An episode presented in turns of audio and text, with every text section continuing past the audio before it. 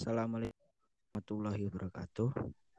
Perkenalkan, nama saya Muhammad Ahsanul Faizin dan rekan saya Siti Nia Rohmah.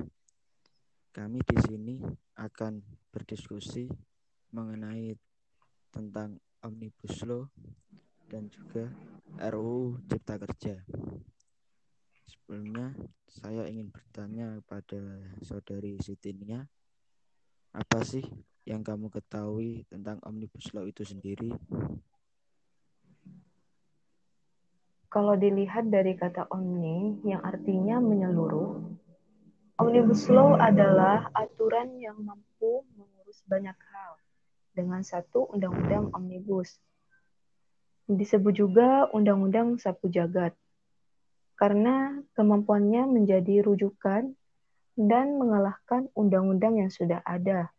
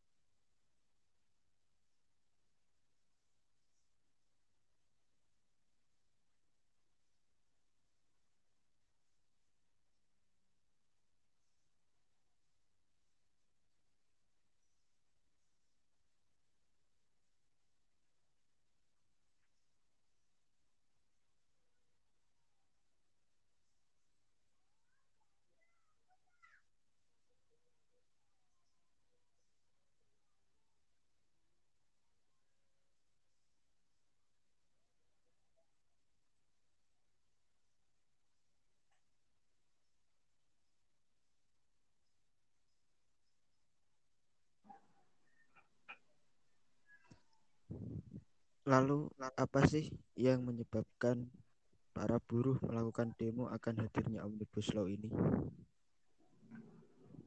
Para buruh melakukan demo atau unjuk rasa karena banyak hak buruh yang akan dicabut. Di antaranya hilangnya upah minimum.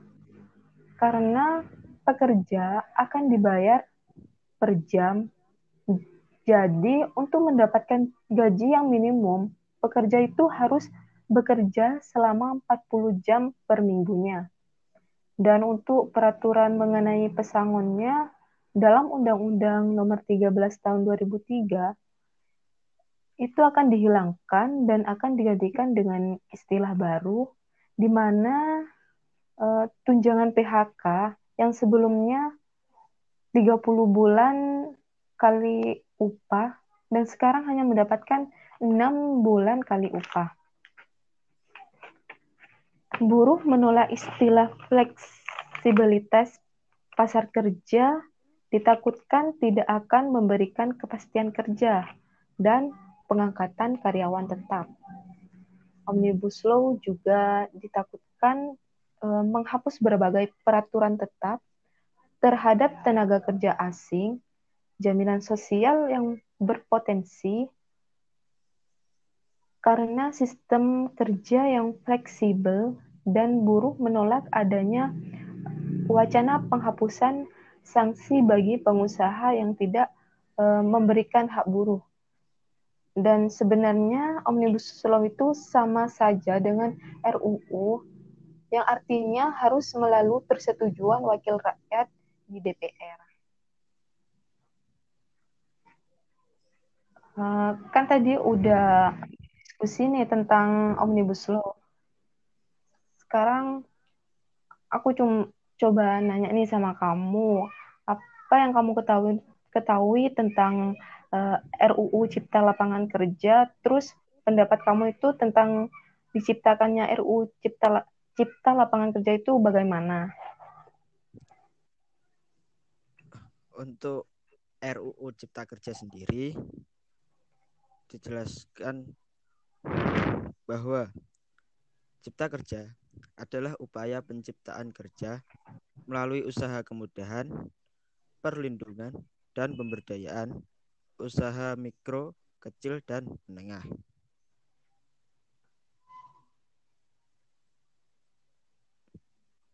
Perizinan berusaha adalah legalitas yang diberikan kepada pelaku usaha untuk memulai atau menjalankan usaha atau kegiatannya.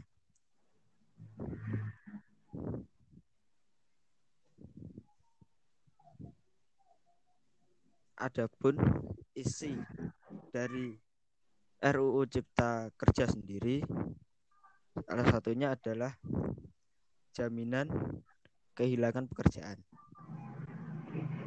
Pada draft RUU Cipta Kerja ini pada pasal 46A yang berbunyi pekerja atau buruh yang di PHK berhak mendapatkan jaminan kehilangan pekerjaan.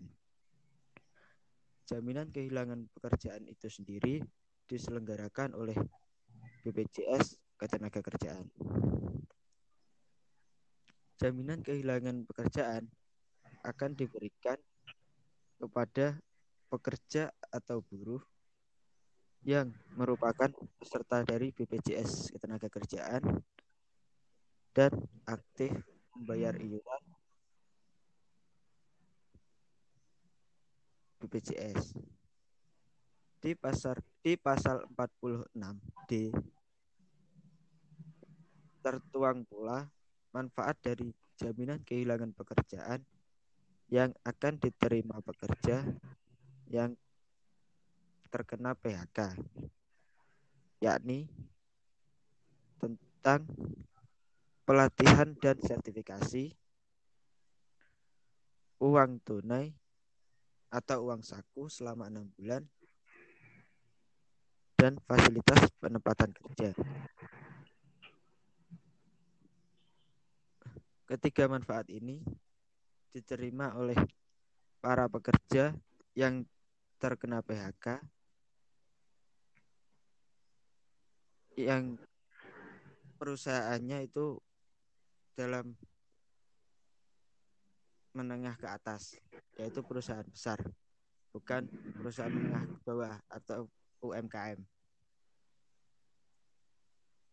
Menurut pandangan klasik sendiri, dari pemerintah atau negara. Ini berupaya yang pertama, melindungi masyarakat dari ketidakadilan dan penindasan oleh anggota masyarakat lain termasuk property right. Dan mendirikan fasilitas umum serta mendirikan lembaga-lembaga publik tertentu seperti menyediakan fasilitas penempatan kerja.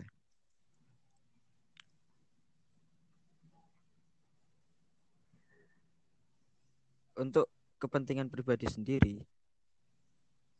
berhubungan dengan kepentingan publik didasarkan pada argumen pasar kalau diberi kesempatan akan mampu meregula meregulasi dirinya sendiri. Untuk kepentingan individu, yaitu mengambil keputusan investasi. Untuk kepentingan publik, yaitu untuk menumbuhkan kekayaan masyarakat.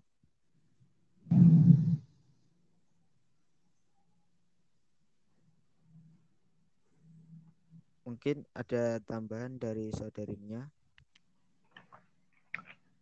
Uh, sedikit menambahi juga mengenai ekonomi politik sosialis uh, pendekatan klasik sendiri itu menyatakan bahwa pasar memiliki kemampuan untuk mengelola dirinya sendiri dalam artian kuat strong sense di mana uh, pandangan seperti ini sering kali dijadikan dasar untuk melaksanakan kebijakan pasar bebas yang tidak kalah pentingnya untuk dikemukakan, dikemukakan adalah bahwa para teoritis klasik ini adalah yang pertama kalinya uh, memandang perekonomian sebagai sebuah sistem yang secara prinsip terpisah dari politik dan rumah tangga.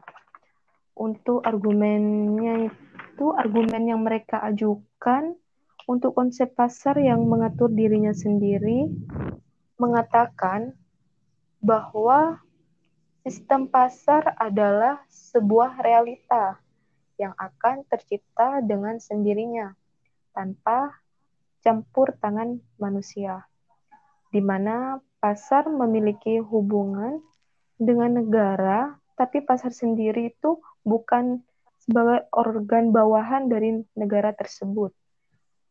Ide ini adalah sebuah inovasi di masa yang diajukan oleh ekonomi politik beraliran klasik.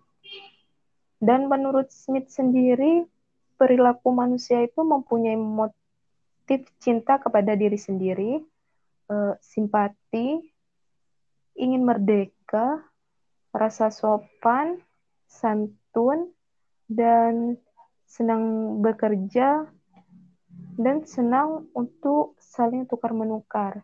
Inilah landasan pembahasan uh, dari teori-teori Adam Smith sendiri. Dan untuk sistem ekonomi yang mengoperasionalkan dasar-dasar itu adalah ekonomi dengan persaingan bebas yang diatur oleh tangan yang tersembunyi. Seperti itu.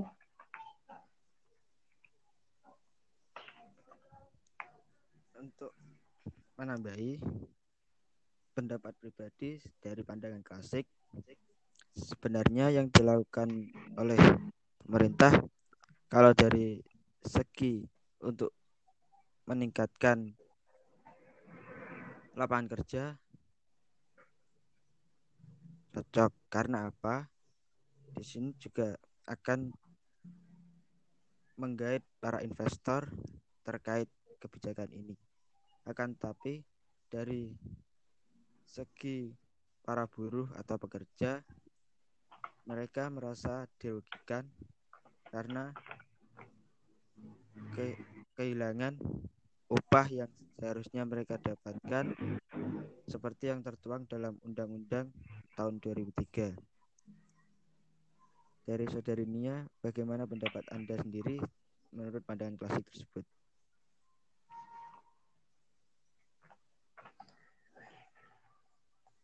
Uh,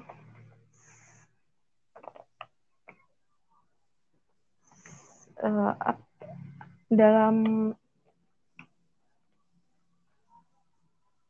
penyusunan RUU ini harusnya itu uh, ada perwakilan buruhnya sendiri.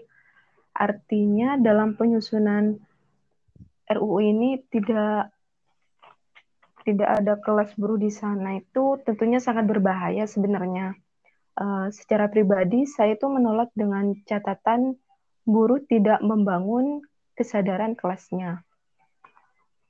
Buruh sibuk dengan konflik dan tidak ada persamaan kesadaran kelas dalam membangun kesadaran diri dalam buruh tersebut. Private interest-nya itu tidak dibangun dalam pandangan ini. Kita tahu kalau dipaksakan seperti ini, otomatis secara terus-menerus buruh itu tidak akan mempunyai uh, perwakilan dalam menentukan nasibnya jadi jangan dianggap karena upah buruh itu sudah tinggi. Karena pada dasarnya upah buruh itu substansi yaitu tidak bisa untuk uh, investasi, namun bisa untuk memenuhi kebutuhan sehari-hari seperti itu.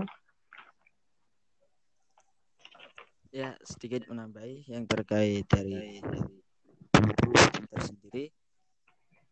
Memang benar dari buruh sendiri kurang adanya seperti komunikasi antar buruh yang mereka lakukan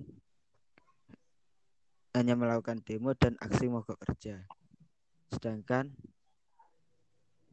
para investor tentu akan tidak akan menanggapi seperti hal itu, seperti itu. Dibutuhkannya sebuah perwakilan dari buruh atau persatuan buruh se-Indonesia untuk mewakili sebuah rancangan undang-undang. Karena itu juga terkait dengan para buruh.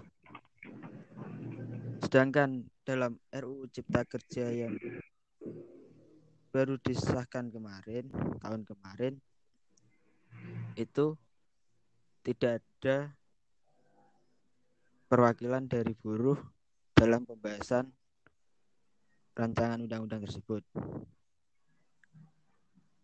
Atau lebih tepatnya pemerintah yang membahas lalu diserahkan ke pada DPR. Sehingga itu yang menyebabkan para buruh melakukan demo karena merasa tidak sesuai dengan apa yang didapatkan. Mungkin ada tambahan lagi dari saudari Nia? Uh, sedikit menambahi untuk uh, terjadinya demo yang dilakukan oleh buruh itu sebenarnya kebijakan itu bisa dipengaruhi oleh aksi unjuk rasa jalanan tapi bagaimana dalam tatanan konteks naskah dan eh, undang-undang buruh itu dibubarkan. Sekarang saja tidak ada di parlemen, namun uh, dalam undang pemerintah harus melibatkan buruh tersebut. Adanya partisipan buruh di sana kendala seperti ini pasti terjadi kebutuhan pertahanan sosial di mana kondisi dari orang yang mengalami pertentangan satu dengan yang lain. Pertentangan ini seperti pertentangan fundamental dalam negara dan negara tersebut itu disebut kapitalis uh, di dalamnya sendiri pasti ada pertentangan, jadi dianggap mempunyai uh, interest yang sama.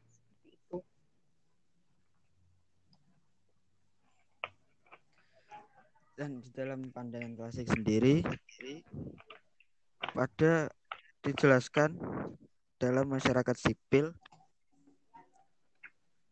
bahwa masyarakat sipil harus mengatur dirinya sendiri dan mempertahankan kelangsungan hidupnya tanpa menggunakan pengambilan keputusan politik. Prinsip-prinsip dan kebutuhan dasar dari masyarakat sipil harus mendominasi bidang politik. Dan untuk self interest sendiri, tujuan dari masyarakat sipil adalah motivasi yang disebut sebagai mencari keuntungan pribadi. Maksud dari mencari keuntungan pribadi sendiri ini mungkin ini yang ada dalam pandangan para investor. Mereka menginvestasikan dananya untuk membuka pekerjaan akan tapi mereka juga memikirkan bagaimana keuntungan mereka ke depannya. Apakah menguntungkan bagi dirinya sendiri atau tidak. Itu yang dalam mencari keuntungan pribadi. Dan terkait unjuk rasa yang dilakukan para buruh, sebenarnya unjuk rasa boleh saja menyampaikan pendapatnya karena negara ini adalah negara demokrasi bebas berpendapat. Kan tapi bila disuarakan di luar lebih sering tidak didengarkan oleh pemerintah yang ada di dalam. Dan bahkan sampai para unjuk rasa melakukan aksi kriminal seperti merusak pagar dan membakar ban itu karena suara mereka tidak didengarkan oleh orang dalam. Sebenarnya seperti hal itu baiknya mereka berkomunikasi, berkoordinasi, menunjuk satu perwakilan untuk mewakili suara para buruh untuk menyampaikan pendapat di dalam sidang atau rancangan undang-undang. Itu menurut pribadi saya dari pandangan klasik. Mungkin ada tambahan atau sanggahan dari saudarinya. Uh, sebenarnya bukan sebuah uh, tambahan atau sanggahan. Cuman saya ingin bertanya kepada saudara Hasan, uh, apakah adanya omnibus law ini RUU Cipta Kerja ini membuat tenaga kerja di liberalisme.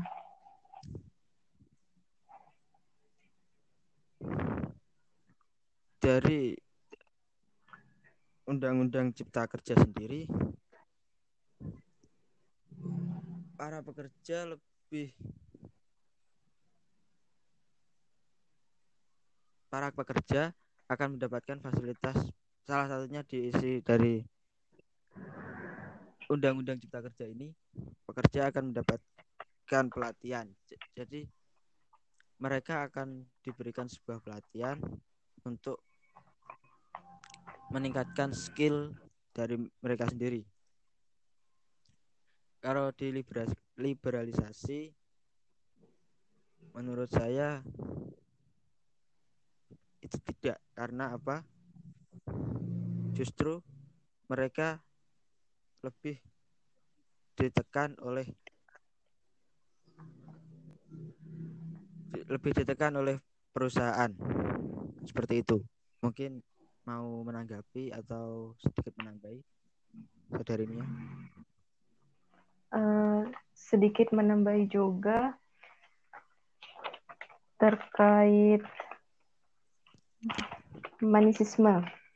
Iya. Marxisme, Marxisme. Uh, Marxisme visioner ini dia itu bisa menguasai produk kapitalis atau dikenal dengan revolusi.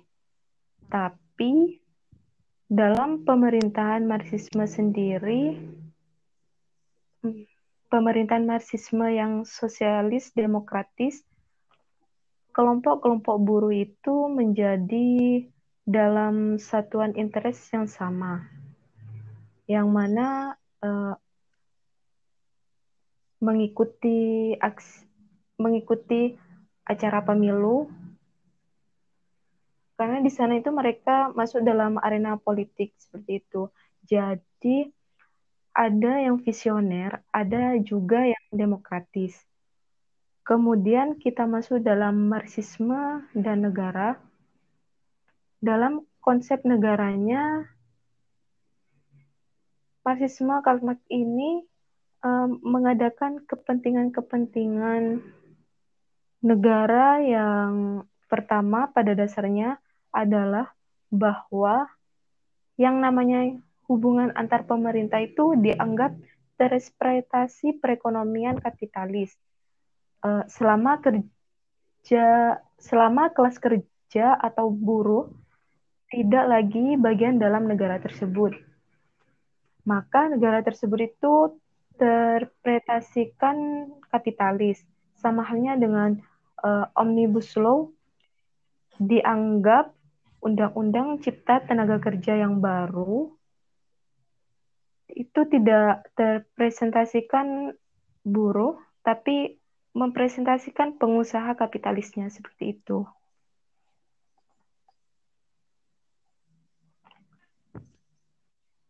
Lalu saya ingin bertanya lagi pada saudarinya.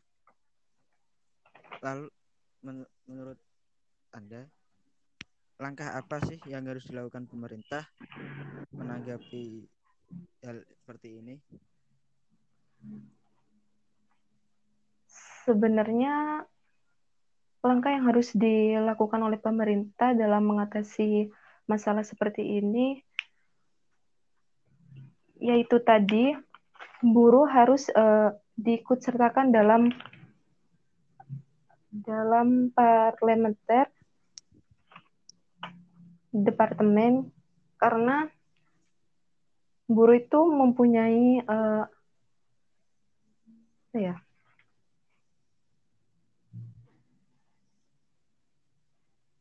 mempunyai uh, pendapat sendiri jadi pemerintah itu tidak melakukan pengesahan ini secara tertutup seperti itu.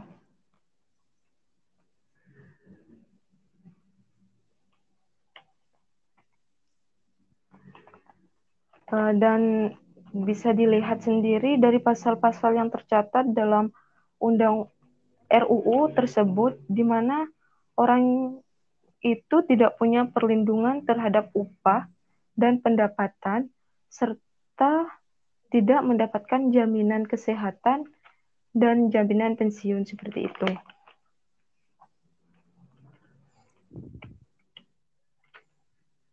Mungkin ada tambahan atau sanggahan dari saudara Ahsan.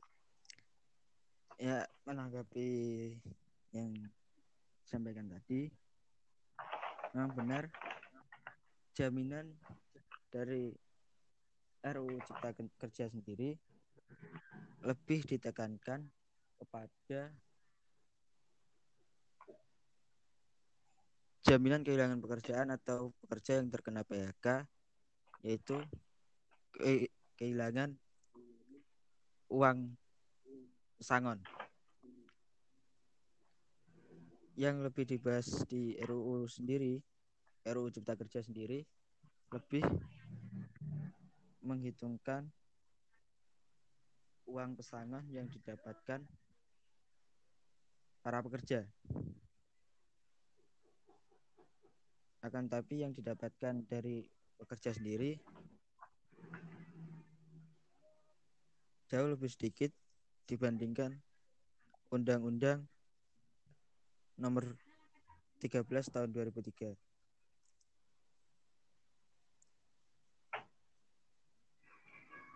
mungkin dari saudari Nia mau menambahi atau menyanggah sebelum ditutup diskusi ini? Uh, sedikit menambahi tentang marxisme tadi. Kalau kita tarik ke belakang lagi nih, secara analisis marxisme, bagaimana buruh bisa masuk dalam kebijakan kalau buruh sendiri tidak ada dalam sistem ketenaga kerjaan. Bisa dilihat anggota DPR banyak kepala daerah, banyak menteri, itu sebenarnya basicnya buruh atau pengusaha. Sehingga susah dalam sehingga sudah dalam omnibus law itu kalau dikaitkan dengan kepentingan buruh itu sebenarnya merupakan kesalahan awal uh, yang ada pada kesadaran diri kelas pekerja buruh yang mau untuk kelompok yang bisa mempengaruhi kebijakan tersebut. Seperti itu.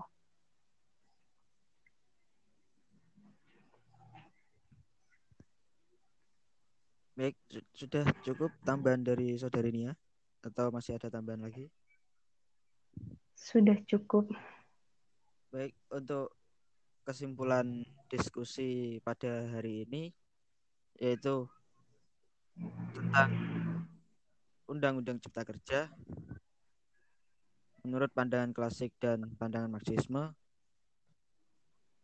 bahwa dalam pandangan Marxisme diperlukan adanya sistem pekerja atau buruh untuk masuk dalam ranah politik yang mewakili aspirasi para buruh menyampaikan pendapatnya. Mungkin cukup itu dari kami. Kurang lebihnya kami mohon maaf apabila ada kekurangan. Wassalamualaikum warahmatullahi wabarakatuh.